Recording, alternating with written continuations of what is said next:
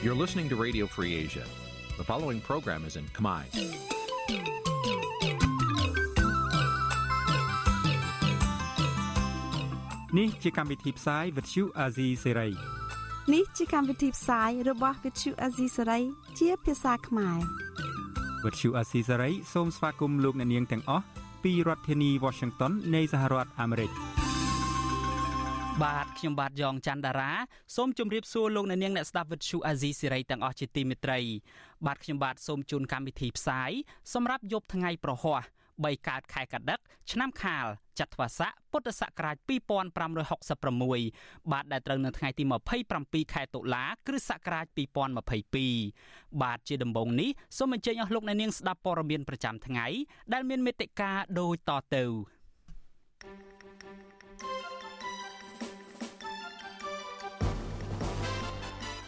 គណៈបកភ្លើងទៀនថាវប្បធម៌ជជែកគ្នារវាងបកកណ្ដាលអំណាចនិងបកប្រឆាំងចាប់ផ្ដើមកើតមានឡើងវិញហើយក្រុមអង្គការសង្គមស៊ីវិលជួបជាមួយតំណាងក្រសួងមហាផ្ទៃដើម្បីជជែកពីរឿងកែប្រែច្បាប់អង្គការសមាគមបាទចៅសង្កាត់រងទី2គណៈបកភ្លើងទៀននៅសង្កាត់អូចាដាក់ពាក្យបណ្ដឹងចោទមន្ត្រីគណៈបកកណ្ដាលអំណាចរឿងប្រើអំពើហិង្សា សង្គមស៊ីវិលថារដ្ឋាភិបាលបន្តគ្រប់គ្រងធនធានរ៉ែខ្សាច់ដោយខ្វះដំណាភាពរួមនឹងព័ត៌មានសំខាន់សំខាន់មួយចំនួនទៀត។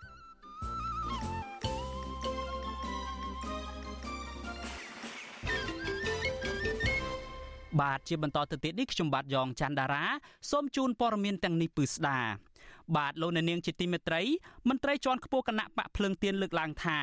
សារឆ្លើយឆ្លងរវាងលោកនាយករដ្ឋមន្ត្រីហ៊ុនសែននិងគណៈបកភ្លើងទៀនគឺជាការបង្ហាញថាវប្បធម៌ជជែកគ្នារវាងគណៈបកប្រឆាំងនិងគណៈបកកណ្ដាលអំណាចចាប់ផ្ដើមកើតមានឡើងវិញហើយការលើកឡើងដូចនេះកើតមានឡើងក្រោយពីគណៈបកភ្លើងទៀនបានប្រកាសថ្កោលទោសជនណាដែលប្រមាថព្រះមហាក្សត្រនិងអះអាងថាខ្លួនគ្មានទំនាក់ទំនងជាមួយលោកសំរងស៊ីនោះទេ បាទសូមលោកនាងរងចាំស្ដាប់ព័ត៌មានពិស្ដាអំពីរឿងនេះនៅក្នុងការផ្សាយរបស់យើងនាពេលបន្តិចទៀតនេះ បាទលោកនាងជាទីមេត្រីនៅឯខេត្តបាត់ដំបងឯណោះវិញចៅសង្កាត់រងទី2គណៈបកភ្លើងទៀនគឺអ្នកស្រីសិនច័ន្ទពៅរ៉ូសិតបានដាក់ពាក្យប្តឹងចោទប្រកាន់សមាជិកក្រុមប្រឹក្សាសង្កាត់អូចា មកពីគណៈបកកណ្ដាលអំណាចគឺអ្នកស្រីយ៉ាន់រ៉ាស៊ីថាបានប្រើប្រាស់អំពើហិង្សាលើអ្នកស្រី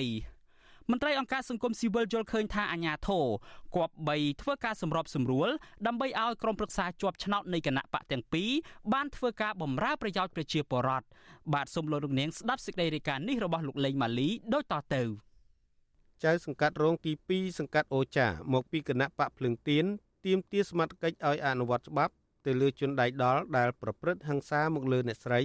និងបដិសេធការសម្របសម្រួលជាមួយភាគីអ្នកស្រីយ៉ានរ៉ាស៊ីនៅសាលាសង្កាត់អូចាចៅសង្កាត់រងទី2អូចាអ្នកស្រីស៊ិនច័ន្ទពើរុសិតថ្លែងក្នុងការផ្សាយផ្ទាល់លើ Facebook របស់អ្នកស្រីថាចៅសង្កាត់អូចាបានប្រជុំសម្របសម្រួលប៉ុន្តែអ្នកស្រីបានបដិសេធចំពោះការសម្របសម្រួលនោះ អ្នកស្រីក៏លើកឡើងពីករណីស្មៀនក្នុងម៉ោងធ្វើការបែជាព្យាយាមអូសទាញលោកជាទូចឲ្យចុះចូលជាមួយគណៈបកប្រជាជនកម្ពុជា ដែលខុសនឹងច្បាប់សហលក្ខន្តិកៈមន្ត្រីរាជការអ្នកស្រីស៊ិនច័ន្ទពៅរ៉ូសិតអំពាវនាវដល់ក្រសួងមហាផ្ទៃឲ្យធ្វើការណែនាំនិងបណ្ដុះបណ្ដាលអំពីក្រមសីលធម៌របស់មន្ត្រីរាជការដោយមិនត្រូវឲ្យលេងសើចក្នុងម៉ោងធ្វើការ។ ចំពោះផ្លូវច្បាប់គឺខ្ញុំបានដាក់ទៅនគរបាលយុតិធធឲ្យឲ្យគេដោះស្រាយផ្លូវច្បាប់ហើយយើងរងចាំមើលទាំងអស់គ្នាទៀតតើក្នុងករណីប្រព្រឹត្តអំពើហិង្សាដែលមានស្ថានទម្ងន់ទោសបាត់ល្មើសជាក់ស្ដែងបែបហ្នឹងតើជនដៃដល់ដែលប្រព្រឹត្តអំពើហិង្សាមកលើរូបនាងខ្ញុំជាចៅសង្កាត់រងទី2ហើយជនដៃដល់គឺជាសមាជិកក្រុមប្រឹក្សាសង្កាត់ជាប់ឆ្នោតមកពីគណៈបកប្រជាជនកម្ពុជាហ្នឹងដែលបានប្រព្រឹត្តបាត់ល្មើសហិង្សានៅចំពោះខ្ញុំនៅក្នុងសង្កាត់អូចានហ្នឹងតើនឹងទទួលទោសទណ្ឌយ៉ាងដូចម្ដេចតទៅមុខទៀត ជុំវិញរឿងនេះចៅសង្កាត់អូចាលោកអែមសុផលប្រាប់វិទ្យុអស៊ីសេរីនៅថ្ងៃទី27ដុល្លារថា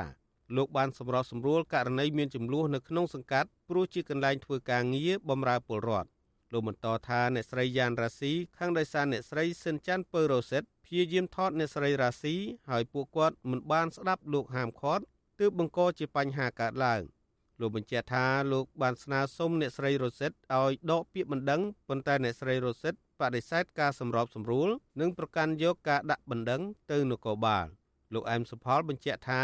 លោកមិនបានដឹងពីអ្នកស្រីដែលមានសតិមិនគ្រប់នោះថាមានសម្បត្តិកំណើតរួចហើយដោយការលើកឡើងឡើយប៉ុន្តែគ្រាន់តែឃើញអ្នកស្រីនោះតែងតែចេញចូលនៅសាលាសង្កាត់ជាប្រចាំ។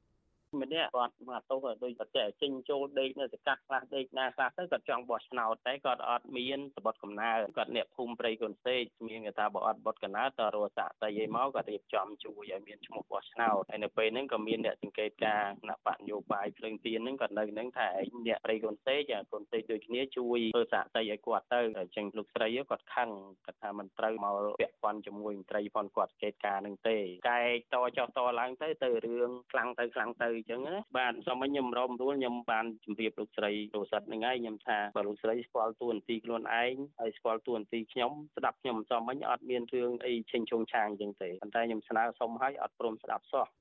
វិទ្យុអស៊ីសេរីមិនអាចតាក់ទងក្រុមប្រឹក្សាសង្កាត់អូចាអ្នកស្រីយ៉ានរ៉ាស៊ីដើម្បីសូមសេចក្តីអធិប្បាយជុំវិញរឿងនេះបានទេ នៅថ្ងៃទី27តុលានេះមន្ត្រីសម្របសម្រួលសមាគមការពារសិទ្ធិមនុស្សអាតហុក ខេត្តបាត់ដំបងលោកយិនមេងលីយល់ឃើញថាការសម្របសម្រួលពីចៅសង្កាត់ជារឿងប្រសើរដែលបង្ហាញពីភាពទទួលខុសត្រូវរបស់ចៅសង្កាត់លោកបន្តថាករណីនេះមិនទាន់ដឹងថាមានការបង្កដល់មានរបួសស្នាមឬអត់នោះទេប៉ុន្តែបើមានរបួសស្នាមនឹងប៉ះពាល់ដល់សិទ្ធិបុគ្គល លោកថាការសម្របសម្រួលមិនអាចបង្ខំឆន្ទៈរបស់ភាគីបានទេប៉ុន្តែបើមានប្តឹងផ្ដាល់តែងតែមានការឈ្នះចាញ់និងមានការគុំគួននឹងធ្វើឲ្យប៉ះពាល់ដល់ការអនុវត្តការងារជាមួយគ្នាបន្តរយៈពេលវែងឆ្ងាយទៀត យើងទាំងអស់គ្នាដែលជា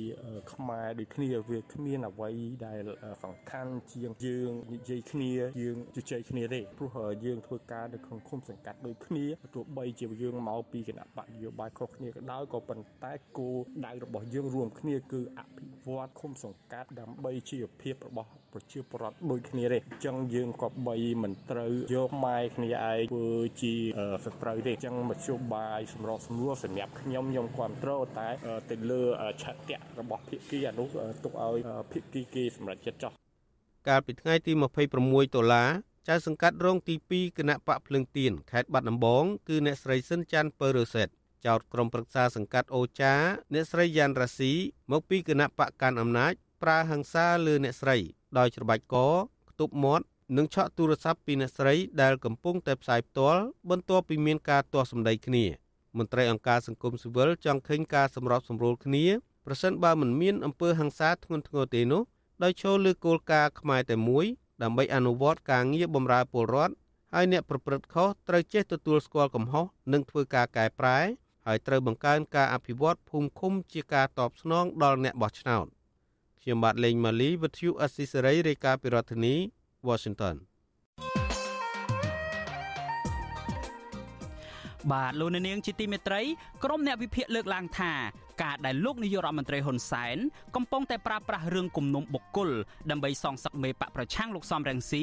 គ្មានប្រយោជន៍អ្វីសម្រាប់ជាតិនោះឡើយហើយនេះគឺជាគំរូអាក្រក់សម្រាប់យុវជនចំនួនក្រោយតើការដែលលោកហ៊ុនសែនយករឿងបុគ្គលទៅសងសឹកនឹងលោកសំរងស៊ីប៉ះពាល់អ្វីខ្លះដល់ប្រទេសជាតិហើយថាតើការធ្វើនយោបាយយករឿងបុគ្គលជាធំនេះនឹងធ្វើឲ្យលោកហ៊ុនសែនចំណេញនឹងខាតអ្វីខ្លះនោះ បាទសូមលោកនាង រងចាំតាមដានស្ដាប់វេទិកាអ្នកស្ដាប់វិទ្យុអាស៊ីសេរីនៅយប់ថ្ងៃសុក្រទី28ខែតុលាស្អែកនេះកុំបីខានបាទប្រសិនបើលោកអ្នកនាងចង់ចូលរួមបញ្ចេញមតិយោបល់ឬក៏សាកសួរវាគ្មិនកិត្តិយសរបស់នេតិយើងលោកអ្នកនាងអាចដាក់លេខទូរស័ព្ទរបស់លោកអ្នកនាងនៅក្នុងខ្ទង់ comment Facebook និង YouTube របស់ Vuthu Azizi Siri បាទក្រុមការងាររបស់យើងនឹងហៅទៅលោកអ្នកនាងវិញ បាទសូមអរគុណ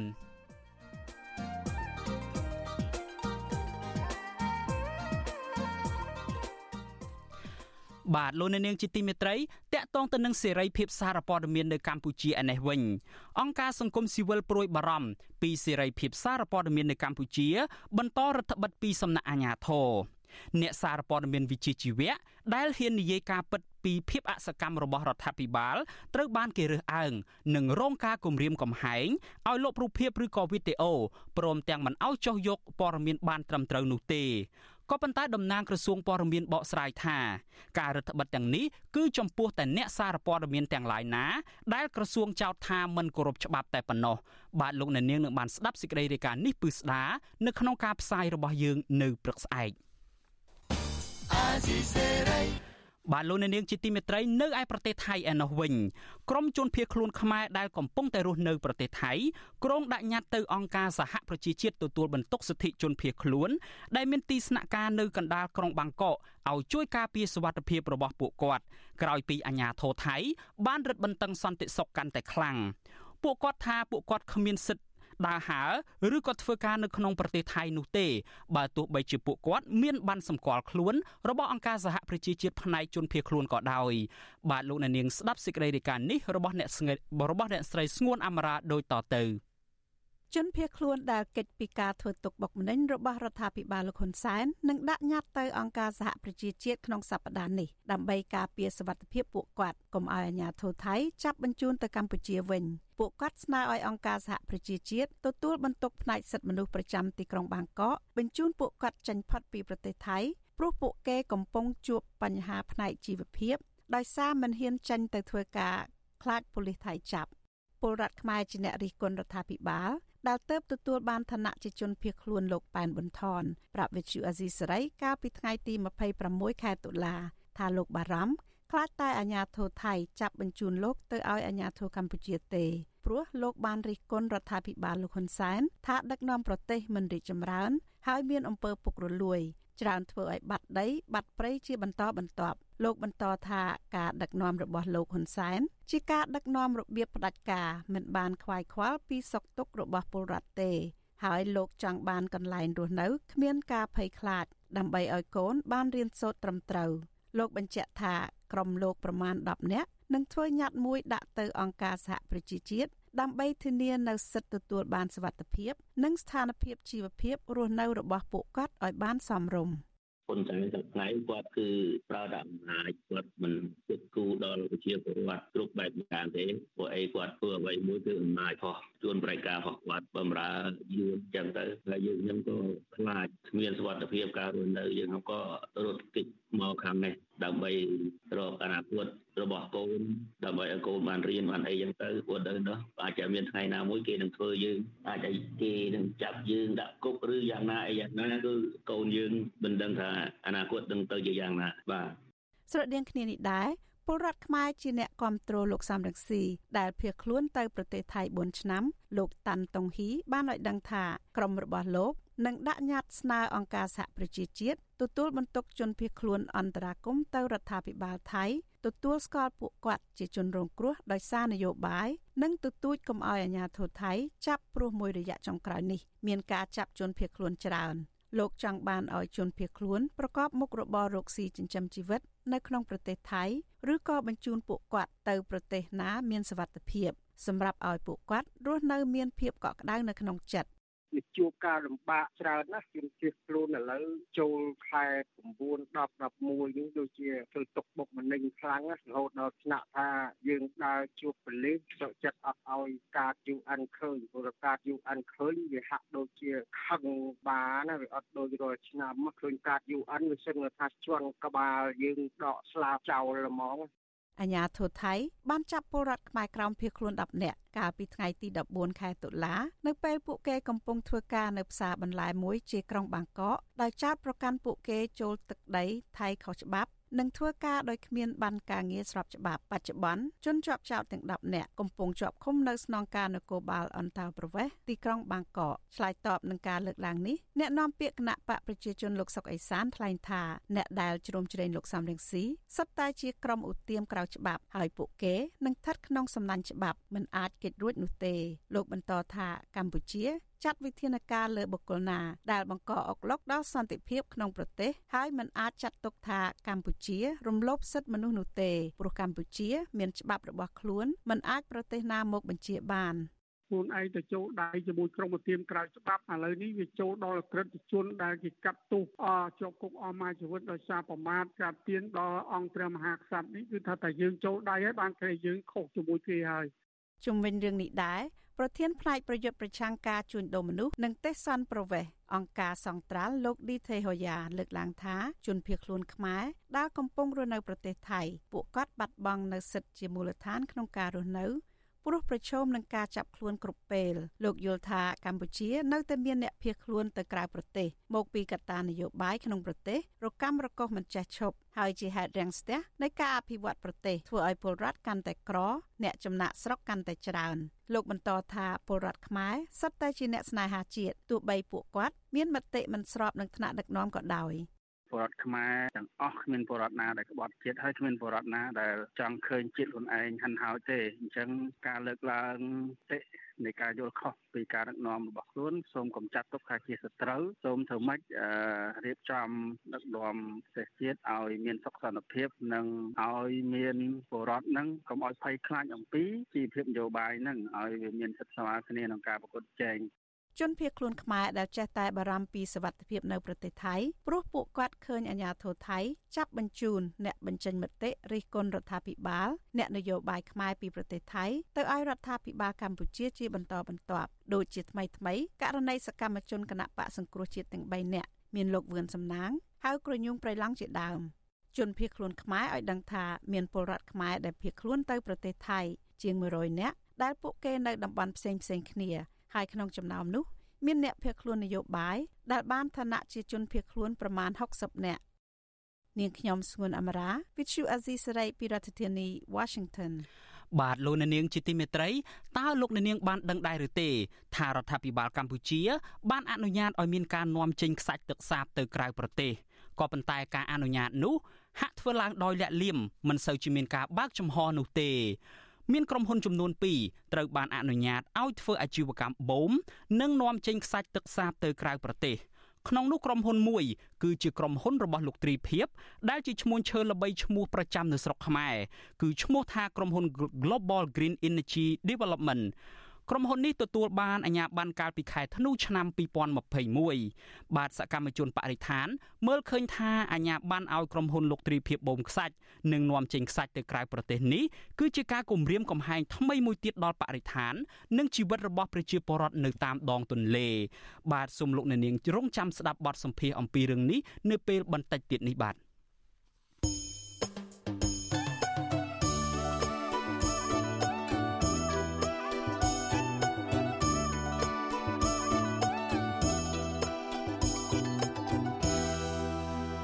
លោកនាងជាទីមេត្រីយើងងាកមកមើលករណីកុមារដែលស្លាប់ដោយសារតែករណីលងលងទឹកលិចទូកដនៅឯខេត្តកណ្ដាលឯណោះវិញ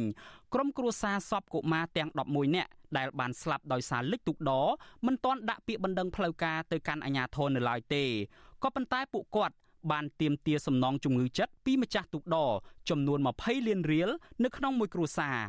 ក៏ប៉ុន្តែអ្នកសិក្សាផ្នែកច្បាប់យល់ថាបើទោះបីជាគ្រួសាររបស់ជនរងគ្រោះមិនទាន់ដាក់ពាក្យប្តឹងក៏ដោយក៏ព្រះរាជអាជ្ញាមានទួនាទីបន្តបន្តបណ្ដឹងអាជ្ញាដើម្បីចាប់អ្នកដែលមានកំហុសយកមកដាក់ទោសតាមផ្លូវច្បាប់ បាទលោកទីនហ្សាការីយ៉ារាយការណ៍ព័ត៌មាននេះមកទល់ពេលនេះក្រុមគ្រួសារកុមាររងគ្រោះទាំង11នាក់នៅមិនទាន់ទទួលបានសំណងពីម្ចាស់ទូកនិងពីរដ្ឋាភិបាលឡើយទេឪពុកកុមារីសវັດសវណ្ណលក្ខណា ដែលបានស្លាប់ដោយសារលិចទុកដគឺលោកបុតសវັດប្រាប់វិទ្យុអសិរ័យថាក្រុមគ្រួសារសពកុមារទាំង11នាក់បានជជែកជាមួយម្ចាស់ទុកដក្រោមការសម្របសម្រួលរបស់មេឃុំកំពង់ភ្នំលោកនៅទូចកាលពីថ្ងៃទី26ដុល្លារលោកបន្តថាក្រុមគ្រួសារសពបានទាមទារឲ្យម្ចាស់ទុកដសងលុយជំងឺចិត្ត20លានរៀលប៉ុន្តែភាគីម្ចាស់ទុកដថា មានលទ្ធភាពសងបានត្រឹមតែ6លានរៀលតែប៉ុណ្ណោះសម្រាប់មួយគ្រួសារ លោកបុតសវັດបន្ថែមថាប្រសិនបើភាគីម្ចាស់ទុកដសងលុយជំងឺចិត្តតាមការស្នើសុំរបស់គ្រូសាសពនោះភាគីគ្រូសាសពនឹងមិនដាក់ពាក្យប្តឹងទៅតុលាការឡើយមានអីទេគាត់ថាចង់បានថាម្ចាស់ទូកដហ្នឹងឲ្យចេញមុខមកសងដោះស្រាយគ្នាក៏ហើយទៅកុំឲ្យវាមានរឿងវែងឆ្ងាយព្រោះគ្រូសាទាំង11ហ្នឹងក៏មិនចង់មានរឿងវែងឆ្ងាយដែររហូតមកទល់ពេលនេះគេមិនទាន់ឃើញមានអាជ្ញាធររដ្ឋ ចេញមុខទទួលខុសត្រូវចំពោះការលិចទូកបណ្ដាលឲ្យសិស្សស្លាប់ចំនួន11នាក់និងរបួស4នាក់កាលពីថ្ងៃទី13ដុល្លារនៅឡើយទេក្រៅតែពីចាប់ខ្លួនម្ចាស់អាជីវកម្មទូកដ2នាក់ឈ្មោះឈឹងស្រីនាងអាយុ63ឆ្នាំនិងឈ្មោះឈឹងវណ្ណាអាយុ52ឆ្នាំនិងក្មេងប្រុសអ្នកបើកទូកម្នាក់អាយុ15ឆ្នាំនោះក៏ប៉ុន្តែចុងក្រោយតឡាការបានដោះលែងអ្នកទាំង3ឲ្យនៅក្រៅឃុំបណ្ដោះអាសន្នវិញអ្នកច្បាប់យល់ថាគ្រូសាជនរងគ្រោះ គួរតែដាក់ពាក្យប្តឹងទាមទារសំណងពីភាគីរដ្ឋាភិបាលឲ្យបានច្រើនព្រោះករណីនេះជាប់ពាក់ព័ន្ធនឹងការធ្វើប្រហែសរបស់រដ្ឋាភិបាលដែលមិនបានតាមដានត្រួតពិនិត្យសវត្ថភាពនៅតាមទូកដអ្នកសិក្សាផ្នែកច្បាប់លោកវ៉ាន់ចាន់ឡូតយល់ឃើញថាដើម្បីបញ្ជាកុំឲ្យមានគ្រោះថ្នាក់បែបនេះអាជ្ញាធរមូលដ្ឋានត្រូវចុះពិនិត្យគោលការណ៍សវត្ថភាពទូកចម្លងដូចជាការដាក់បេដងអាវពោងនិងគុណភាពទូកចម្លងឲ្យបានទៀងទាត់ លោកថាអ្នកដែលទទួលខុសត្រូវក្នុងករណីលិចទុកដររហូតបណ្ដាលឲ្យកុមារ11នាក់ស្លាប់នេះអាជ្ញាធររដ្ឋត្រូវមានកាតព្វកិច្ច3យ៉ាង ទី1ត្រូវទទួលទោសក្រមព្រហ្មទណ្ឌមានន័យថាអ្នកដែលមានកំហុសត្រូវតែជាប់ពន្ធនាគារទី2ត្រូវសងបណ្ដឹងរដ្ឋបវេនីដែលត្រូវសងថ្លៃជំងឺចិត្តដល់ជនរងគ្រោះនិងចុងក្រោយគេទាំងអាជ្ញាធរនិងថ្នាក់ដឹកនាំរដ្ឋាភិបាលត្រូវមានសំណងក្រមសីលធម៌មានន័យថា រដ្ឋាភិបាលត្រូវទទួលខុសត្រូវក្នុងការផ្ដល់សំណងជំងឺផ្លូវចិត្តដល់គ្រួសារសពកុមាររងគ្រោះព្រោះការប៉ះទង្គិចផ្លូវចិត្តដែលបាត់បង់ជីវិតកូនមិនអាចមានអ្វីមកប៉ះពើបានឡើយជាមួយគ្នានេះលោកបនច័ន្ទលូតបន្ថែមថាទោះបីជាគ្រូសាសពបានទទួលយកលុយសំណងជំងឺចិត្តពីម្ចាស់ទុកដហើយមិនដាក់ពាក្យប្តឹងក្តីប៉ុន្តែបណ្ដឹងអាញារបស់ព្រះអាញាមិនអាចបញ្ចប់បានឡើយ។ តកតូនទៅនឹងរឿងប្រមតនទោះបីជាជនរងគ្រោះគាត់មិនប្តឹងប៉ុន្តែតាមរយៈប្រេកអញ្ញា បណ្ដឹងអាជ្ញានោះគឺអាចធ្វើបានมันអាចគិតផុតអំពីការទទួលខុសត្រូវផ្នែកព្រំតានបើសិនជារកឃើញការកើតឡើងហ្នឹងវាជាកំហុសបច្ចេកទេសអ្នកផ្ដល់សេវាម្ចាស់ទូកហ្នឹងក្នុងន័យនេះខ្ញុំនិយាយនេះមិនទៅចង់ឲ្យមាននរណាម្នាក់ឈឺចាប់បន្តទៀតទេប៉ុន្តែទីមួយបង្ហាញថាកម្ពុជាជាប្រទេសនីតិរដ្ឋហើយប្រព័ន្ធនីតិរដ្ឋរបស់យើងវារឹងមាំវាចាំបាច់ណាស់ត្រូវតែស្វែងរកខុសត្រូវដើម្បីផ្ដល់យុត្តិធម៌ជូនចំពោះអ្នករងគ្រោះទី2វាបង្ហាញថាអ្នកណាដែលប្រព្រឹត្តខុសគឺត្រូវតែទទួលទោស វិទ្យុអសិរ័យមិនអាចតាក់ទងអ្នកនាំពាក្យរដ្ឋាភិបាលលោកផៃសិផានដើម្បីសុំបកស្រាយជំវិញនឹងរឿងនេះបានទេនៅថ្ងៃទី27ដុល្លារកាលពីយប់ថ្ងៃទី13ដុល្លារទូកខ្នាតតូចសម្រាប់ចម្លងប្រជាពលរដ្ឋចេញពីភូមិកំពង់ពោធិ៍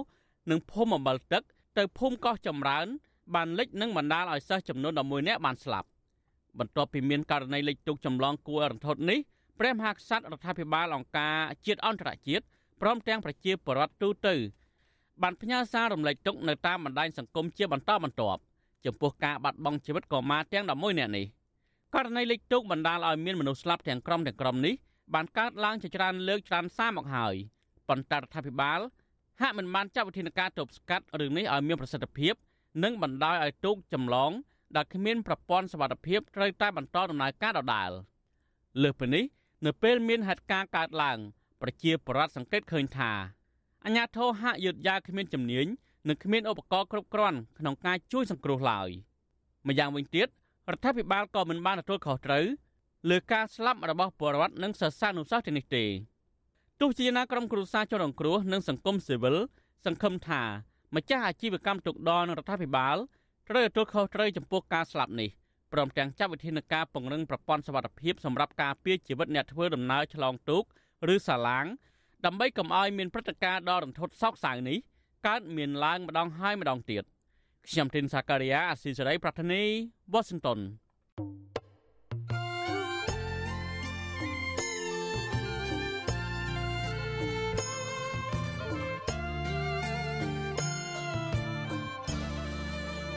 បាទលោកនាងជាទីមេត្រីតកតងទៅនឹងបញ្ហាទឹកជំនន់ឯណោះវិញ ប្រជាពលរដ្ឋដែលរងគ្រោះដោយទឹកជំនន់នៅខេត្តចំនួន3ជាប់ព្រំដែនថៃ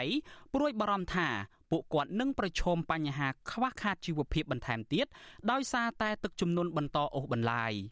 ពួកគាត់ទទូចឲ្យរដ្ឋាភិបាលយកចិត្តទុកដាក់ជួយដល់ពួកគាត់ផង ពីព្រោះកន្លងទៅមានការចោទប្រកាន់ថាការចោះចែកអំណោយពីសំណាក់លោកនាយរដ្ឋមន្ត្រីហ៊ុនសែនមានការរើសអើងនិន្នាការនយោបាយបាទអ្នកស្រីម៉ៅសុធានីរាយការណ៍ព័ត៌មាននេះ តំបន់មួយចំនួននៅខេត្តបៃលិនបាត់ដំបងនិងខេត្តបន្ទាយមានជ័យរងផលប៉ះពាល់ពីទឹកជំនន់សារជាថ្មី នៅថ្ងៃទី27ខែតុលាបន្ទាប់ពីមានភ្លៀងធ្លាក់ខ្លាំងនៅតាមព្រំដែនមួយយប់ទល់ភ្លឺទឹកជំនន់នេះកំពុងជន់លិចដំណាំបរដ្ឋអស់ជាច្រើនគ្រួសារ ប្រជាប្រដ្ឋរស់នៅឃុំបួស្រុកភ្នំព្រឹកលោកយិនសុធា ប្រាប់បច្ចុប្បន្នអសីស្រី នៅថ្ងៃទី27ខែតុលាថាមូលហេតុដែលទឹកជន់លិចដោយសារភ្លៀងធ្លាក់ខ្លាំងមួយយប់ទល់ភ្លឺដែលនាំទឹកពីច្រកព្រំដែនភ្នំដីមកយ៉ាងច្រើនបណ្ដាលឲ្យជន់លិចលោកបន្តថាកន្លងមកភ្លៀងខ្លាំងដែរក៏ប៉ុន្តែមិនធ្លាប់លិចខ្លាំងដូចជាពេលនេះឡើយ លោកថានៅឃុំសម្បួនលេខប្រមាណពាក់កណ្ដាលឃុំស្របពេលដែលប្រជាប្រដ្ឋជាច្រើនកំពុងប្រមូលផលដំណាំពោតនិងស្រូវមិនទាន់រួចរាល់នៅឡើយ។ វាប៉ះពាល់ដល់ផលដំណាំប្រជាពលរដ្ឋយើងច្រើនមានពោតមានដលងមានស្រូវជាច្រើននៅតំបន់ហ្នឹងដលងវាចាប់ដើមដាក់ម្សៅអញ្ចឹងវាចាប់ដើមមកលួយលឿនមែនតើដូចប៉ុណ្នេះលួយអស់មកឃុំ4ហ្នឹងវាតាំងពាក់កណ្ដាលហើយបងទៅក្រោមក្រោមទៀតច្រើនស្ដាយបងហើយមិនថាគេមថាខ្ញុំលេចអញ្ចឹងទៅវាខូចខាតធ្វើឲ្យដាយផលដំណាំដែលធំដាំធំស៊ីខ្ញុំធ្វើមកវាខាតបងអស់ហើយខ្លះច្រូតស្រូវទៅបានពាក់កណ្ដាលស្រែអញ្ចឹងទៅក៏លេចបើស្រូវអុំគាត់នៅមុខនេះគាត់ជិបទុយទុយអញ្ចឹងលេចតែរហូតអញ្ចឹងលួយខូចខាតអស់ហើយដលងបងដលងខ្ញុំអីវាអលួយអស់ក្នុងឆ្នាំប្រជាពលរដ្ឋមកបែកខាងភូមិថ្មីបួទូកអីគឺខូចខាតច្រើនបងជុំវិញរឿងនេះមេឃុំបួស្រុកភ្នំព្រឹកលោកកើតចន្ទាលើកឡើងថាបើសិនបើភ្លៀងនៅតែបន្តធ្លាក់ខ្លាំងនឹងធ្វើឲ្យទឹកជន់លិចកាន់តែខ្លាំងថែមទៀតលោកថាប្រភពទឹកជន់នោះគឺហូរធ្លាក់មកពីស្រុកសំពៅលូននិងមួយចំនួនទៀតភ្លៀងធ្លាក់នៅតំបន់ភ្នំព្រឹកតែម្ដង លោកថាអាញាធរកំពុងរៀបចំកម្លាំងដាក់តាមតំបន់ដែលងាយរងគ្រោះខ្លាំងដើម្បីការពារសុវត្ថិភាពរបស់ពលរដ្ឋលោកបញ្ជាក់ថាកន្លងមកពលរដ្ឋរងគ្រោះជិត700គ្រួសារក៏ប៉ុន្តែលើកនេះប្រមាណជាជិត1000គ្រួសារពីព្រោះថាលោកកំពុងតាមដានជាបន្តទៀត ឥឡូវវគ្គនេះប្រហែលជាលើកមុនរៀងធំជាងមុនអានៅលើវាមិនលិចតែក៏វាលួយដែរក៏លងអីលួយទាំងអស់ចូលវាភ្លៀងជ្រុំតិចតិចតិចតិចមកអញ្ចឹងទៅវាអឺបរហូតទៅអឺបទៅវាធ្វើប៉ះពីរំលងដូចគ្នាពីយប់មិញតាំងពីម៉ោង9រហូតស្មើនេះអត់ទាន់រាំងនៅរ៉ែរហូតដែលចុះហើយចុះហើយរៀបកម្លាំងចុះកំពុងខ្ញុំកំពុងតាមដានទៅជាការនឹងបន្តរបាយការណ៍របស់រដ្ឋបាលខេត្តបាត់ដំបងឲ្យដឹងថាគិតត្រឹមថ្ងៃទី24ខែតុលាមានប្រជាពលរដ្ឋ ជិត30000គ្រួសារនិងបរិវត្តដែលមានប្រភពទឹកអាចស្ដារឡើងវិញប្រមាណជាង10000គ្រួសារផ្សេងទៀតត្រូវបានទទួលអំណោយពូជស្រូវពីលោកនាយករដ្ឋមន្ត្រីហ៊ុនសែន អភិបាលខេត្តបាត់ដំបងលោកសុកលូថារដ្ឋបាលខេត្តធ្លាប់ជួយដល់ប្រជារងគ្រោះទឹកជំនន់ជិត7000គ្រួសារហើយទឹកជំនន់បណ្ដាលឲ្យប៉ះពាល់ស្រូវរបស់ប្រជារដ្ឋជាង45000ហិកតាប៉ះពាល់ដំណាំផ្សេងផ្សេងជាង30000ហិកតាហើយប៉ះពាល់ផ្ទះសម្បែងរបស់ប្រជារដ្ឋជិត30000ខ្នងខូចខាត32ខ្នងព្រមទាំងហេដ្ឋារចនាសម្ព័ន្ធផ្លូវថ្នល់សាលារៀនវត្តអារាមនិងមន្ទីរពេទ្យជាច្រើនកន្លែងទៀត ចាននាងខ្ញុំម៉ៅសុធានីវិទ្យុអាស៊ីស្រីប្រធានាធិបតី Washington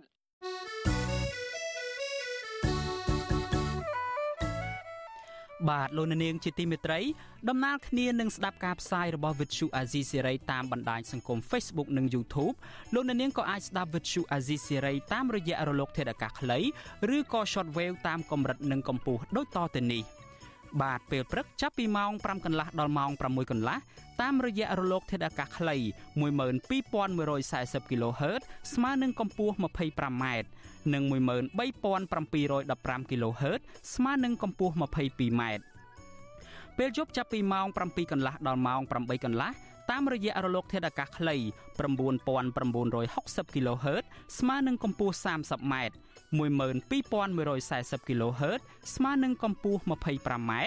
និង11885 kHz ស្មើនឹងកម្ពស់ 25m បាទសូមអរគុណ បាទលោកអ្នកនាងជាទីមេត្រីតកតងទៅនឹងរឿងអង្គការសង្គមស៊ីវិលឯនេះវិញតំណាងអង្គការសមាគមជាង500ស្ថាប័នបានជួបពិភាក្សាជាមួយតំណាងក្រសួងមហាផ្ទៃនៅថ្ងៃទី27ខែតុលានេះដើម្បីព្រៀងខ្លឹមសារកែប្រែច្បាប់ស្តីពីអង្គការសមាគមមន្ត្រីអង្គការសង្គមស៊ីវិលឲ្យដឹងថាការកែប្រែច្បាប់ស្តីពីអង្គការសមាគមមានភាពយឺតយ៉ាវ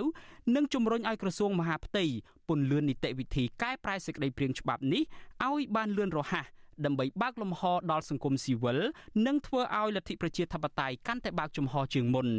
បាទលោកនៅវណ្ណរិនរាយការណ៍ព័ត៌មាននេះ។ តំណាងអង្គការសមាគមជាង500ស្ថាប័នបានជួបពិភាក្សាជាលើកទី7ជាមួយក្រុមការងាររបស់រាជរដ្ឋាភិបាលដើម្បីសម្របសម្រួលដោះស្រាយសំណើនិងសំណូមពររបស់អង្គការសង្គមស៊ីវិលលោកប៊ុនហ៊ុនកាលពីព្រឹកថ្ងៃទី27ខែតុលាដើម្បីពង្រៀងខ្លឹមសារកែប្រែច្បាប់ស្តីពីសមាគមនិងអង្គការមិនមែនរដ្ឋាភិបាលឡើងវិញ កិច្ចពិភាក្សានេះបានធ្វើឡើងពេញមួយព្រឹកដោយនៅក្នុងនោះមានតំណាងស្ថានទូតនិងអង្គការដៃគូអភិវឌ្ឍក៏ដូចជាអង្គការសមាគមដែលគ្រប់គ្រងរដ្ឋាភិបាលចូលរួមផងដែរកន្លងទៅតំណាងអង្គការសង្គមស៊ីវិលជាង500ស្ថាប័នបានជួបពិភាក្សាជាមួយតំណាងក្រសួងមហាផ្ទៃចំនួន6ដងរួចមកហើយតាក់ទងនឹងការស្នើកែច្បាប់អង្គការសមាគមនេះ អង្គការសង្គមស៊ីវិលបានស្នើសុំឲ្យរដ្ឋាភិបាលកែសម្រួលច្បាប់ចំនួន14មាត្រា ដើម្បីឲ្យច្បាប់នេះស្របតាមគោលការណ៍សិទ្ធិមនុស្សរដ្ឋធម្មនុញ្ញនិងក្រមរដ្ឋបវេណី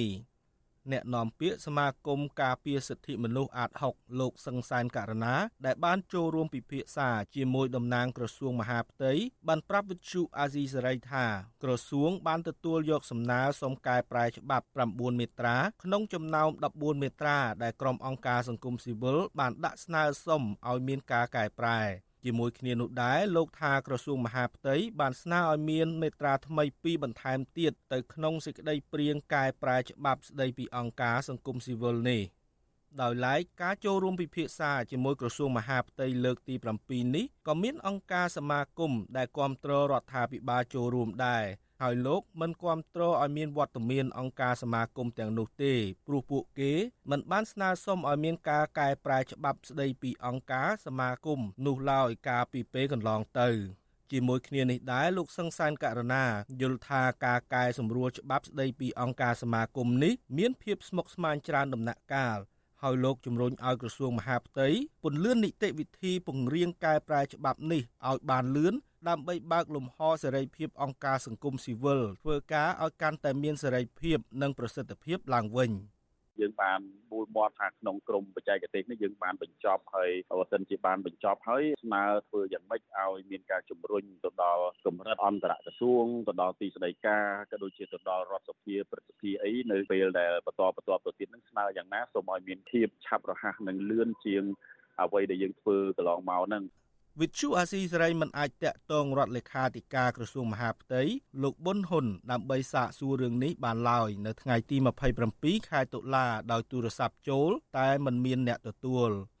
ដោយឡែកនៅថ្ងៃទី27ខែតុលានេះក្រុមអង្គការសមាគមបានធ្វើកិច្ចពិភាក្សាថ្នាក់ជាតិមួយផ្សេងទៀតនៅក្នុងក្រុងភ្នំពេញក្រោមប្រធានបទពង្រឹងបណ្ដាញសង្គមស៊ីវិលដើម្បីចូលរួមតស៊ូមតិកែប្រែច្បាប់អង្គការក្រៅរដ្ឋាភិបាល ដែលមានតំណាងអង្គការសង្គមស៊ីវិលជិត50នាក់ចូលរួម។ នាយកប្រតិបត្តិអង្គការសម្ព័ន្ធភាពការពារសិទ្ធិមនុស្សកម្ពុជាហៅកាត់ថាច្រាក់លោករស់សុថាបានប្រាប់វិទ្យុអាស៊ីសេរីថាកិច្ចពិភាក្សាថ្នាក់ជាតិនេះធ្វើឡើងក្នុងគោលបំណងបង្កើនសាមគ្គីភាពរវាងក្រុមអង្គការសង្គមស៊ីវិលដែលមានស្រាប់ដើម្បីបង្កើតផែនការយុទ្ធសាស្ត្ររួមគ្នាបន្តនៅក្នុងការតស៊ូមតិឲ្យរដ្ឋាភិបាលកែសម្រួលច្បាប់ស្តីពីសមាគមនិងអង្គការមិនមែនរដ្ឋាភិបាល លោករស់ស្ថាបន្ថែមថាអង្គការសង្គមស៊ីវិលបានអនុវត្តការងារប្រកបដោយវិជ្ជាជីវៈកណន័យភាពស្របតាមច្បាប់ជាតិអន្តរជាតិបើទោះជាគ្មានច្បាប់ស្ដីពីអង្គការសង្គមស៊ីវិលក្តីហើយលោកថាច្បាប់នេះមិនបានលើកកម្ពស់សេរីភាពការងាររបស់អង្គការសង្គមស៊ីវិលដោយមន្ត្រីរដ្ឋាភិបាលលើកឡើងនោះទេក៏ប៉ុន្តែវាបានរឹតបន្តឹងលំហសេរីភាពការងារ របស់ក្រុមអង្គការសង្គមស៊ីវិលទៅវិញសង្គមស៊ីវិលគឺជាស្ថាប័នប្រជាធិបតេយ្យមួយយើងបំពេញនៅទូរនទីគឺស្ថានប្រជាធិបតេយ្យបានលុះត្រាតែយើងទទួលបានសិទ្ធិសេរីភាពពេញលេញក្នុងការចូលរួមទុនសម្រាប់សង្គមតែបើសិនជាការចូលរួមនឹងវាមានដែនកំណត់អញ្ចឹងទៅវាធ្វើឲ្យមូលដ្ឋានគ្រឹះស្ថានប្រជាធិបតេយ្យនឹងមិនរឹងមាំទេហើយក៏មិនអាចជួយសង្គមជាតិបានជាដុំកំពូលអីដែរ ច្បាប់ស្តីពីសមាគមនិងអង្គការមិនមែនរដ្ឋាភិបាល មាន9ជំពូក39មាត្រា ហើយត្រូវបានប្រកាសឲ្យប្រើប្រាស់កាលពីថ្ងៃទី12ខែសីហា ឆ្នាំ2015ក្រុមអង្គការសង្គមស៊ីវិលស្នើយ៉ាងទទូចឲ្យក្រសួងមហាផ្ទៃកែប្រែមាត្រាមួយចំនួននៃច្បាប់នេះដើម្បីបើកលំហប្រជាធិបតេយ្យនិងសេរីភាពការងាររបស់ក្រុមអង្គការសង្គមស៊ីវិលឡើងវិញ ដើម្បីជួយលើកស្ទួយប្រជាធិបតេយ្យសិទ្ធិមនុស្ស និងការអភិវឌ្ឍសេដ្ឋកិច្ចសង្គមនៅកម្ពុជាខ្ញុំបាទនៅវណ្ណរិន with Chu Azizi Saray រាយការណ៍ពីរដ្ឋធានី Washington បាទលោកនាងជាទីមេត្រី ក្រៅពីរងការគៀបសង្កត់តាមរយៈច្បាប់អង្គការសមាគមនេះហើយបាទថ្មីថ្មីនេះលោកនាយករដ្ឋមន្ត្រីហ៊ុនសែនបានថ្លែងសារគំរាមទៅដល់អង្គការសង្គមស៊ីវិលនិងគណៈបកនយោបាយឲ្យធ្វើលិខិតថ្កោលទោសលោកសំរងស៊ីតើអង្គការក្រៅរដ្ឋាភិបាលមានប្រតិកម្មបែបណាចំពោះសារគំរាមកំហែងបែបនេះរបស់លោកហ៊ុនសែនបាទសំលោកនាងរងចាំស្ដាប់បទសម្ភាសន៍រឿងនេះនៅក្នុងការផ្សាយរយៈពេល30នាទីបន្តទៅទៀតរបស់យើងគឺចាប់ពីម៉ោង8កន្លះរហូតដល់ម៉ោង9យប់នៅពេលបន្តិចទៀតនេះដូចតទៅបាទបាទអាស៊ីសេរីបាទលោកអ្នកនាងជាទីមេត្រីតកតងទៅនឹងរឿងនយោបាយធំប្រចាំថ្ងៃរបស់យើងឯនេះវិញមន្ត្រីជាន់ខ្ពស់គណៈបកភ្លើងទៀនលើកឡើងថាសារឆ្លើយឆ្លងគ្នារវាងលោកនាយរដ្ឋមន្ត្រីហ៊ុនសែននិងគណៈបកភ្លើងទៀនគឺជាការបង្ហាញថាវប្បធម៌ជជែករវាងគណៈបកប្រឆាំងនិងគណៈបកកណ្ដាលអំណាចចាប់ផ្ដើមកើតមានឡើងវិញហើយបាទការលើកឡើងដូចនេះកើតមានឡើងគណៈគណៈបកភ្លើងទៀនបានប្រកាសថ្កោលទោសជនណា ដែលប្រមាថព្រះមហាក្សត្រនិងអះអាងថាខ្លួនគ្មានទំនាក់ទំនងជាមួយនឹងលោកសំរងស៊ីទេបាទលោកមានរិទ្ធសូមជូនសេចក្តីរាយការណ៍ព័ត៌មាននេះមន្ត្រីជាន់ខ្ពស់គណៈបកភ្លើងទៀនរំពឹងថាសារឆ្លើយឆ្លងគ្នារវាងមេដឹកនាំគណៈបកកណ្ដាលអំណាចជាមួយមេដឹកនាំគណៈបកភ្លើងទៀននៅពេលនេះបង្ហាញថាអ្នកនយោបាយខ្មែរអាចនិយាយគ្នាត្រង់ទៅត្រង់មកដើម្បីឈានទៅរកដំណោះស្រាយចំពោះបញ្ហាជាតិ អនុប្រធាននឹងជាអ្នកនាំពាក្យគណៈបកភ្លើងទៀនលោកថាច់សេថាយល់ថាបើពេលខ្មែរចេះនិយាយគ្នានោះទោះបញ្ហាអ្វីក៏ដោយក៏អាចដោះស្រាយបានដែរលោកបន្តថាការដែលលោកហ៊ុនសែនព្រមទទួលស្គាល់ការបំភ្លឺរបស់គណៈបកភ្លើងទៀននៅពេលនេះគឺជាសញ្ញាណល្អមួយ ចំពោះស្ថានភាពនយោបាយដែលកម្ពុជាកំពុងត្រៀមរៀបចំការបោះឆ្នោតជាតិឆ្នាំ2023នាពេលខាងមុខនេះ ខ្ញុំក៏អរគុណផងដែរដែលម្ដាយនាយករដ្ឋមន្ត្រីបានទទួលស្គាល់ទទួលយកនៃការពិតរបស់គណៈបកភ្លឹងទៀនហើយនឹងក៏ជាការបង្ហាញនៅយើងបង្កើតនៅវប្បធម៌បែបសន្តានាគ្នាបែបប្រជាធិបតេយ្យថ្មីមួយ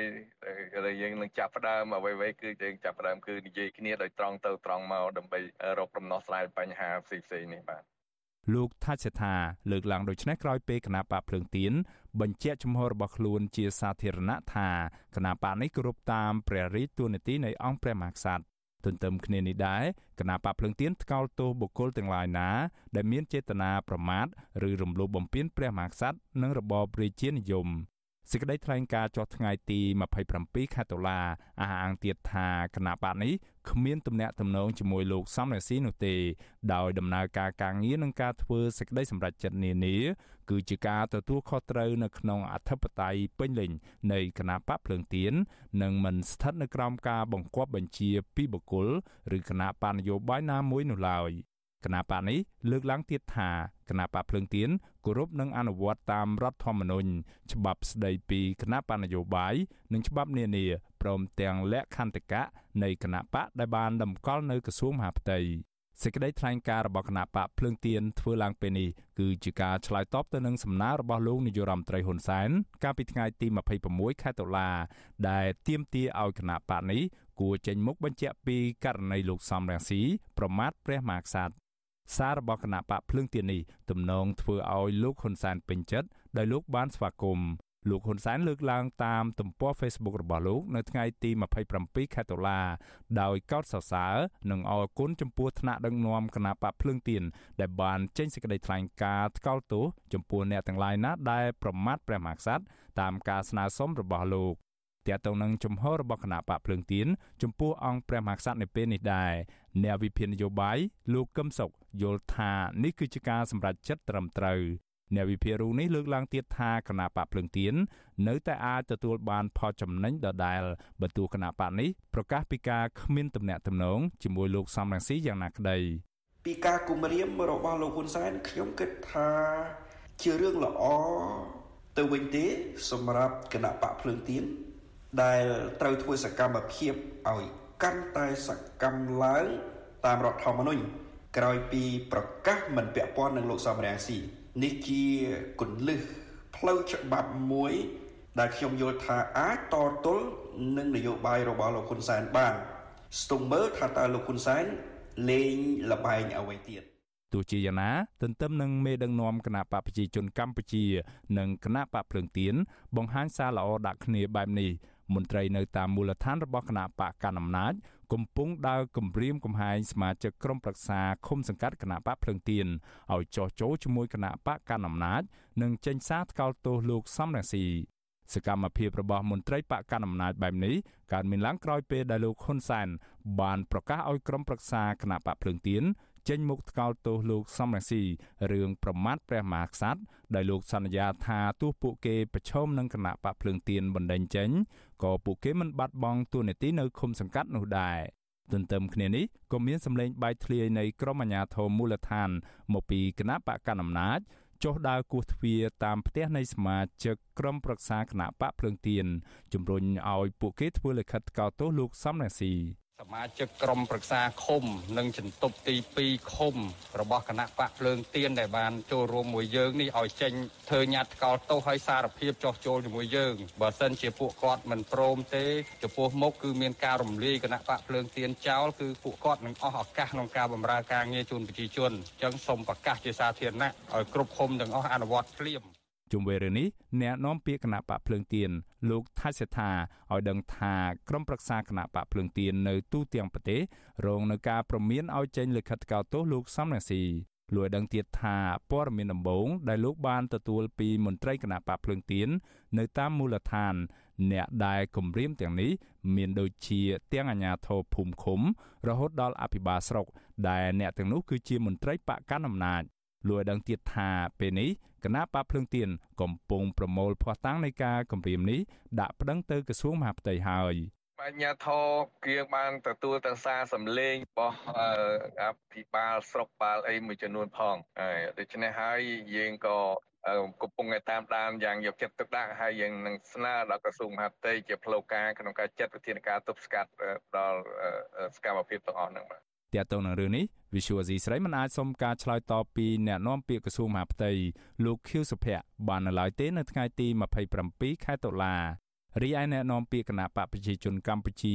លោកឈឹមផលវរុនប្រាប់ថាគណៈបកប្រជាជនកម្ពុជា មិនជាប់ពាក់ព័ន្ធឬណែនាំដល់សមាជិករបស់ខ្លួនឲ្យបង្ខំនរណាម្នាក់ឲ្យថ្កោលទោសលោកសំរងស៊ីនោះឡើយ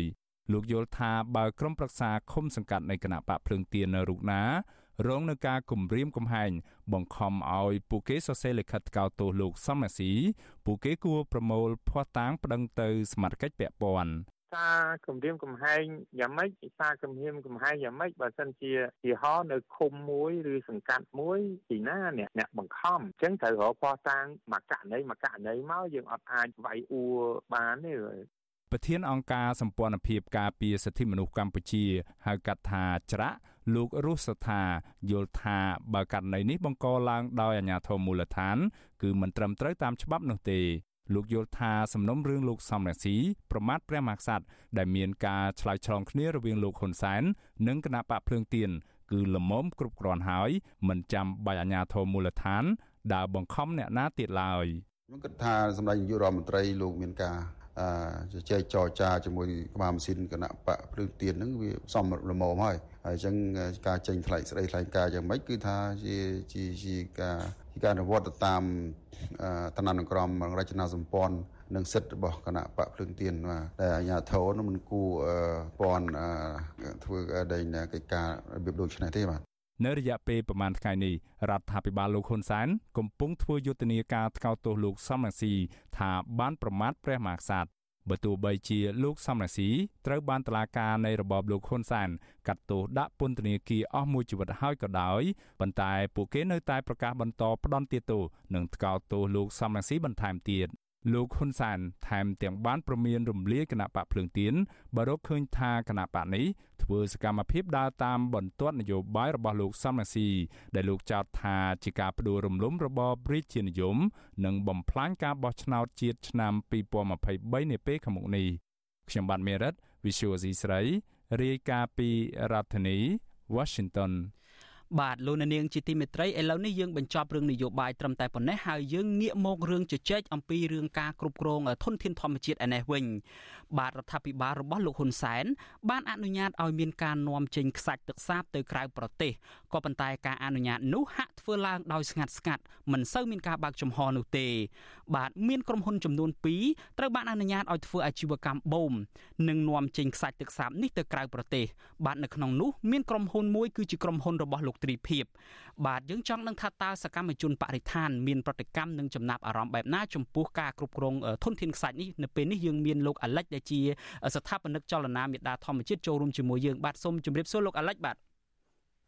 បាទសូមជម្រាបសួរបាទបាទអាលិចសុកទុកយ៉ាងណាដែរបាទសុខសប្បាយធម្មតាតែអត់សូវសប្បាយចិត្តពេលឮថាចាប់ផ្ដើមមានឡើងវិញនៅសកម្មភាពមុំខ្សាច់តាមទន្លេមេគង្គដើម្បីនាំចេញទៅប្រទេសវៀតណាម ខូចពីផ្អាករយៈពេល13ឆ្នាំកន្លងមកបាទ បាទ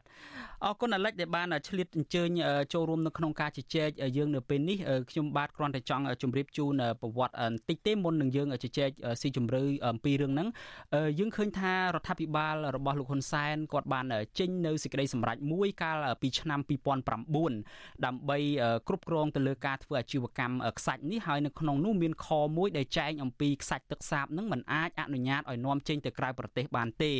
សេចក្តីសម្រេចនេះគឺចេញកាលពីឆ្នាំឆ្នាំ2009ក៏ប៉ុន្តែជាហោហែមកទៀតអានេះយើងមិននិយាយអំពីរឿងខ្សាច់សមុទ្រខ្សាច់ទឹកប្រៃឯណោះទេយើងជជែកតែរឿងខ្សាច់ទឹកសាបទេរហូតមកដល់ឆ្នាំ2020បែរជាមានក្រុមហ៊ុនមួយទទួលបានអាជ្ញាប័ណ្ណដោយស្ងាត់ស្ងាត់ពីរដ្ឋាភិបាលដើម្បីធ្វើអាជីវកម្មនាំចេញខ្សាច់ទឹកសាបហ្នឹងបូមហើយនឹងនាំចេញខ្សាច់ទឹកសាបហ្នឹងគឺក្រុមហ៊ុនហ្នឹងឈ្មោះថាចតុមុខ Resource Supply Import Export ក្រុមហ៊ុននេះទទួលបានអាជ្ញាប័ណ្ណកាលពីថ្ងៃទី5ខែមីនាឆ្នាំ2020យើងមិនសូវបានដឹងសាវតារបស់ក្រុមហ៊ុននេះទេក៏ប៉ុន្តែជាការចាប់អារម្មណ៍មួយទៀតគឺនៅក្នុងខែធ្នូឆ្នាំ2021គឺថ្មីថ្មីនេះទេរដ្ឋាភិបាលលោកហ៊ុនសែនបានផ្ដល់អាជ្ញាប័ណ្ណដល់ក្រុមហ៊ុនមួយទៀតដែលជាក្រុមហ៊ុនរបស់លោកទ្រីភិបមានការចុះបញ្ជីដោយឈ្មោះកូនស្រីរបស់លោកទ្រីភិបឈ្មោះទ្រីដាលីននឹងជាអគ្គនាយកក្រុមហ៊ុននឹងគឺឈ្មោះថាក្រុមហ៊ុន Global Green Energy Development ត្រូវបានអនុញ្ញាតឲ្យធ្វើការបូមស្ដារហើយនឹងនាំចេញខ្សាច់ទៅក្រៅប្រទេសនៅក្នុងករណីដែលសល់ខ្សាច់ចំពោះអាលិចវិញថាតើលោកចាប់អារម្មណ៍យ៉ាងដូចម្ដេចនៅពេលដែលក្រុមហ៊ុនរបស់លោកទ្រីភិបមានឈ្មោះថាជាអ្នកដែលច្បាមយកទ្រព្យសម្បត្តិជាតិហើយជាប់ក្នុងបញ្ជីទណ្ឌកម្មនឹងត្រូវបានផ្ដល់អាជ្ញាប័ណ្ណឲ្យធ្វើអាជីវកម្មបូមខ្សាច់ទឹកសាបនេះបាទបាទទីមួយបារម្ភជាខ្លាំងដោយសារយើងឃើញស្ថានភាពនៅក្បែរភ្នំពេញរយៈពេល6 7ឆ្នាំកន្លងមកណាដែលថាគេបូមខ្សាច់លក្ខណៈទ្រង់ទ្រាយធំនាំឲ្យមានទីមួយបាក់ច្រាំង ពេលដែលបាក់ច្រើននេះគឺផ្ទះប្រជាពលរដ្ឋចូលទន្លេផងហើយទី2អឺទោះឲ្យចំនួនត្រីនៅតាមទន្លេមេគង្គក៏ដូចជាទន្លេសាបនោះគឺថយខ្លាំងមែនទែនដែលប៉ះពាល់ទៅលើការរស់ស៊ីរបស់ប្រជាពលរដ្ឋអញ្ចឹងគឺបើយើងសង្កេតឃើញ6 7ឆ្នាំកន្លងមកហ្នឹងសកម្មភាពបូមខ្សាច់ដើម្បីប្រើប្រាស់ក្នុងស្រុកមានផលប៉ះពាល់អវិជ្ជមានធ្ងន់ធ្ងរចុះទម្រាំតែនៅពេលដែលបូមខ្សាច់ដើម្បីនាំចេញទៅក្រៅប្រទេសបាទបូមខ្សាច់ទន្លេមេគង្គ ដើម្បីនាំចេញទៅកាន់ប្រទេសអាហ្នឹងគឺយើងបារម្ភខ្លាំងអឺដោយសារយើងឃើញថាវាប៉ះពាល់ធ្ងន់ធ្ងរហើយយើងមានរបាយការណ៍ច្បាស់លាស់របស់អ្នកស្រាវជ្រាវមកពីសាកលវិទ្យាល័យអន្តរជាតិដែលបាននិយាយនៅក្នុងឆ្នាំ2020ថាចំនួនខ្សាច់ដែលគេកំពុងតែអស់ទាញមានន័យថាកំពុងតែបូមចេញពីទន្លេមេគង្គនោះគឺច្រើន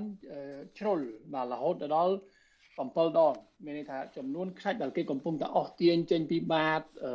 ទន្លេមេគង្គហ្នឹងគឺច្រើនជាងអ្វីដែលទន្លេមេគង្គហ្នឹងគឺអាច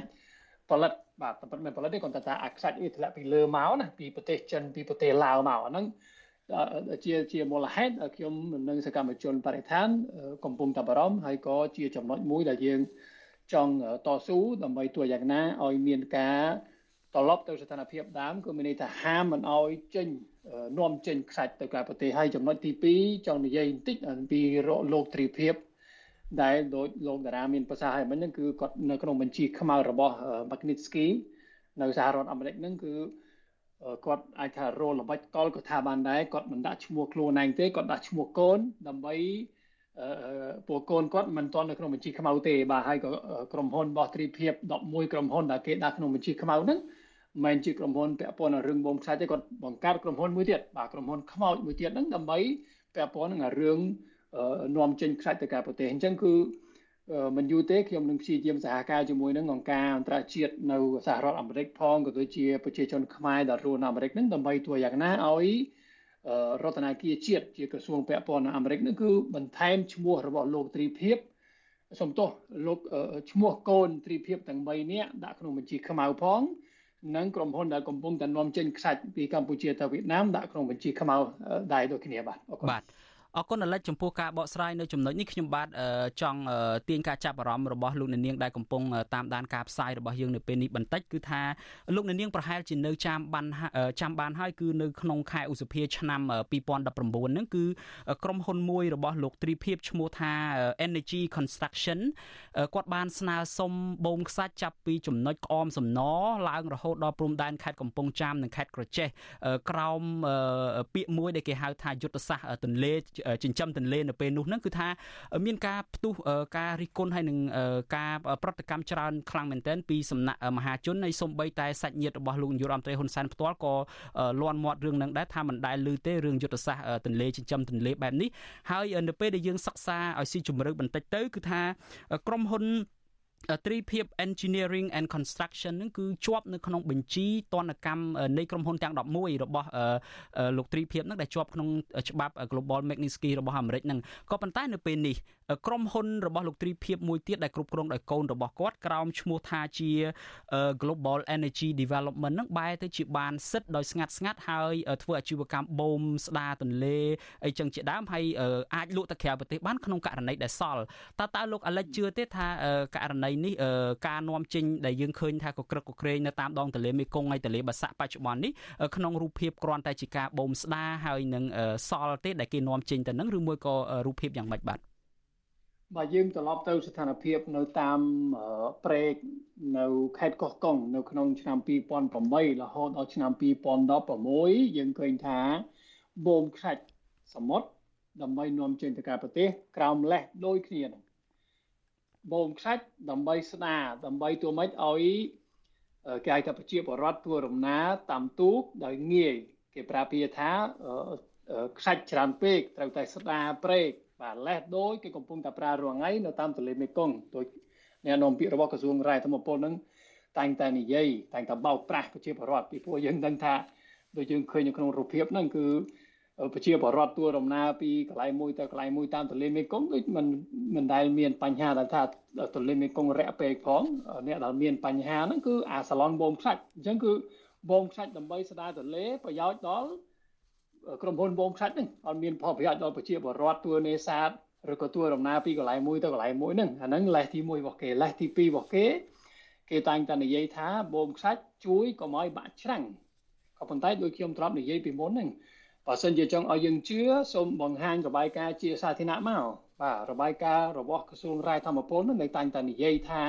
បូមខ្សាច់ជួយកុំឲ្យបាក់ច្រាំងពីព្រោះរបាយការណ៍ដែលយើងមានក្នុងដៃវាផ្ទុយទៅវិញគេថាបូមខ្សាច់ច្រើនជ្រុលរហូតដល់បាក់ច្រាំងអញ្ចឹងគឺក្រសួងគួរតែមានតម្លាភាពគួរតែមានអ្វីដែលគេហៅថា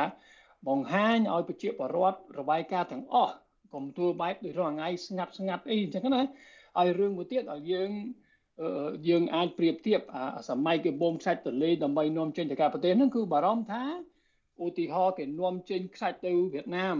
ចំនួនចាស់ស្ដែង10លានតោនក្នុងមួយឆ្នាំក៏ប៉ុន្តែគេកត់ត្រឹម1លានអញ្ចឹងណាអញ្ចឹងរដ្ឋទទួលចំណូលបានតែ10%ទេដូចអ្វីដែលបានកើតឡើងនៅពេល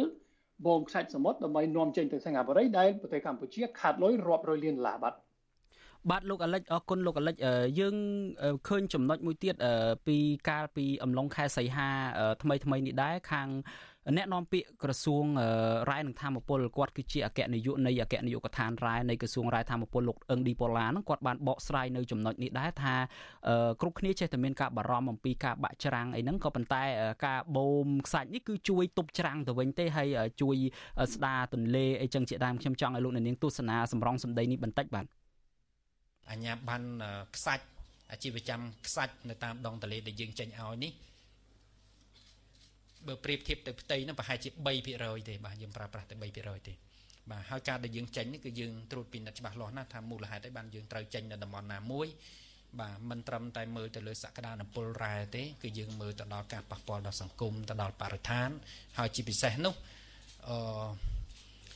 គឺយើងជួយបន្ថែមជួយថែមទៀតគឺសម្រួលទៅដល់ផ្លូវនាវាចរបាទមិនត្រឹមតែផ្លូវនាវាចរទេយើងបូមនោះគឺដើម្បីកាត់បន្ថយនៃការបាក់ច្រាំងប៉ុន្តែបងប្អូនយើងតែងតែលើកមកថាថាបូមតែងតែបាក់ច្រាំងខ្ញុំទទួលថាបូមបាក់ច្រាំងបើសិនជាការបូមខ្សាច់នោះมันគ្រប់ទៅតាមលក្ខខណ្ឌលក្ខខណ្ឌបច្ចេកទេសទៅតាមអឺដែនអាជ្ញាប័ណ្ណដែលក្រសួងបានបានកំណត់បាទបាទ អញ្ចឹងដោយអាលិចបានលឺហើយនឹងលោកអ្នកនាងអ្នកស្ដាប់បានទស្សនាហើយគឺថាចំណុចសំខាន់ដែលក្រសួងអះអាងនោះគឺថាទី1គឺបូមដើម្បីស្ដារផ្លូវទឹក ហើយទី2គឺមានប្រយោជន៍ដើម្បីទប់ច្រាំងកុំឲ្យបាក់ហើយនឹងទី3នេះគឺបានចំណូលសម្រាប់ជាតិទៀតហើយបើយើងយោងទៅតាមការបញ្ជាក់របស់លោកមាសសុកសេនសានដែលជាអ្នកនាំពាក្យក្រសួងសេដ្ឋកិច្ចឯណោះវិញគាត់បានប្រាប់សារព័ត៌មានក្នុងស្រុកកាលពីខែសីហាដូចគ្នានឹងថាចំណូលពីការបូមខ្សាច់ហើយនឹងនាំចេញខ្សាច់ទៅ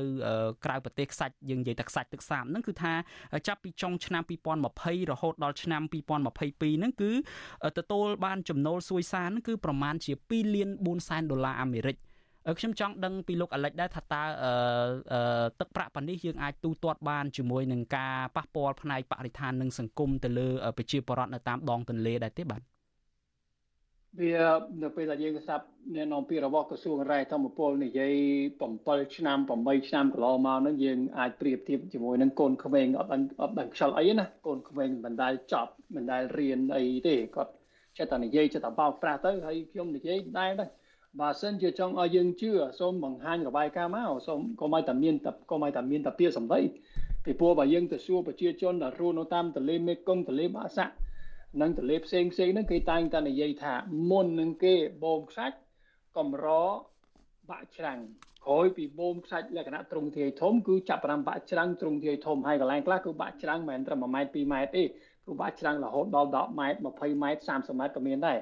ផ្លូវថ្នល់ក៏ចូលទន្លេផ្ទះប្រជាពលរដ្ឋក៏ចូលទន្លេវត្តអារាមសាលារៀនក៏មានដែរអញ្ចឹងគឺ យើងចង់ឲ្យគាត់បង្ហាញឯកសារបង្ហាញបោះតាងផងហើយកុំចាត់ទុកប្រជាពលរដ្ឋជាមនុស្សល្ងងទេផ្លត់គាត់ខ្លួនឯងណាជាមនុស្សល្ងងហ្នឹងអាហ្នឹងចំណុចទី1ចំណុចទី2តើតើនឹងរឿងលុយចំណូលដល់រដ្ឋ2.4លានដុល្លារហើយ đây បានគាត់មិននិយាយចោះចំណូលសម្រាប់ប្រជាជនសំទោសចោះចំណូលសម្រាប់ក្រុមហ៊ុនពាក់ព័ន្ធចំណូលសម្រាប់ក្រុមហ៊ុនទ្រីភិបនិងក្រុមហ៊ុនផ្សេងផ្សេងដែលកំពុងតែពាក់ព័ន្ធនឹងរឿងហ្នឹងគេអត់អត់និយាយទេកែងលោរត់ចំណូល2.4 4លានដុល្លាររយៈពេល2ឆ្នាំហើយក្រុមហ៊ុនចំណូល200លានឬក៏300លានអាហ្នឹងយើងមិនមិនទទួលទទួលយកអត់បានទេហើយរឿងមួយទៀតគឺចំណូលពីប្រជាពលរដ្ឋដែលថយពីព្រោះកាលណាយើងបូមខ្សាច់ក្រៅតែពីរឿងបាក់ច្រាំងគឺមានចំនួនត្រីនៅតាមទន្លេមេគង្គគឺថយខ្លាំងមែនទែនតែប្រជាពលរដ្ឋខាតបណ្ណាអាហ្នឹងគឺយើងមិនមានរបាយការណ៍នៅក្នុងដៃទេព្រោះឲ្យតែយើងព្យាយាមទៅចោះទៅមូលដ្ឋានដើម្បីស្រាវជ្រាវក្រសួងរាយធម្មពលមកគម្រាមចាប់ ប៉ុន្តែអ្វីដែលយើងព័ត៌មានដែលយើងបានប្រមូលពីប្រជាពលរដ្ឋមូលដ្ឋានរយៈពេលជាង7ឆ្នាំកន្លងមកទាំងខេត្តកោះកុងទាំងខេត្តព្រះសីហនុខេត្តកំពតនិងខេត្តកណ្ដាលផងខេត្តកំពង់ចាមនិងកៅៃភ្នំពេញអាយតាបងខ្សាច់គឺចំនួនត្រីថយខ្លាំងមែនទែនហើយរាល់ថ្ងៃហ្នឹងមិនត្រឹមថយចំនួនត្រីនៅតាមទន្លេមេគង្គទេសូម្បីតែត្រីនៅទន្លេសាបនឹងក៏ថយដែរអញ្ចឹងខ្ញុំជឿថាតម្លៃនៃឬក៏គេថាចំណូលប្រជាពលរដ្ឋ ដែលបានថយនេះគឺថយច្រើនជាងអា2.4លានដុល្លារហ្នឹងលុយកំពេចកប៉ុកដែលរដ្ឋាភិបាលអះអាងតែបានទទួលហ្នឹងអញ្ចឹងគឺខ្ញុំទទួលយកបានទេហើយខ្ញុំនឹងព្យាយាមឲ្យអស់ផលិតភាពទោះយ៉ាងណាឲ្យមានគេថាពហិការទៅលើខ្សាច់កម្ពុជាប្រទេសណាដែលកំពុងតែនាំចូលខ្សាច់ពីប្រទេសកម្ពុជាសូមបេហេការផងព្រោះអាហ្នឹងយើងអាចចាត់ទុកជាខ្សាច់ឈាមបាទអញ្ចឹងណាដូចយើងពីមុនធ្លាប់មានស្ករឈាម ឥឡូវយើងគួរមានចាប់ប្រាក់គួរតែចាប់ផ្ដើមមានគេថាខ្សាច់ឈាមខ្សាច់បូមពីទន្លេមេគង្គនៅកម្ពុជានាំចេញទៅក្រៅប្រទេសកុំអ្នកឯងកុំទិញទៅពីព្រោះអាខ្សាច់ហ្នឹងគឺសិតតែបានមកពីបំផ្លាញបរិស្ថានផងបំផ្លាញទន្លេមេគង្គផងបាក់ច្រាំងបាក់ផ្ទះប្រជាពលរដ្ឋផងហើយមួយទៀតបូមខ្សាច់នៅកម្ពុជាយើងដឹងថានាំឲ្យមានអំពើពុករលួយត្រង់ទ្រីធំកើតឡើងដោយលោកទ្រីភិបគេដាក់ក្នុងបញ្ជីខ្មៅដោយសារអីគេដោយសារគាត់ ប្រព្រឹត្តអំពើពុករលួយលក្ខណៈទ្រង់ទ្រីធំនិងសោកប៉ាន់ដល់អ្នកនយោបាយអញ្ចឹងណាអញ្ចឹងយើងនឹងព្យាយាមធ្វើយុទ្ធនាការឬក៏បញ្យលឲ្យប្រទេសដែលកំពុងតែនាំចូលខ្សាច់ពីកម្ពុជាឲ្យបញ្ឈប់ទៅផ្ដល់ឱកាសឲ្យទន្លេមេគង្គទន្លេមេគង្គរស់ឡើងវិញផងបាទបាទអរគុណលោកអាលិចដែលបានចូលរួមផ្ដល់មតិជុំវិញរឿងនេះហើយយើងនឹងជជែកពិភាក្សាច្រើនទៀតអំពីរឿងការនាំចេញខ្សាច់ទៅបរទេសនេះហើយនឹងការបូមទន្លេបូមអីចឹងជាដើមនេះខ្ញុំបាទសូមអរគុណនិងសូមជម្រាបលាលោកអាលិចប៉ុណ្ណេះបាទ បាទជម្រាបលាអរគុណចា៎សុខសប្បាយបាទ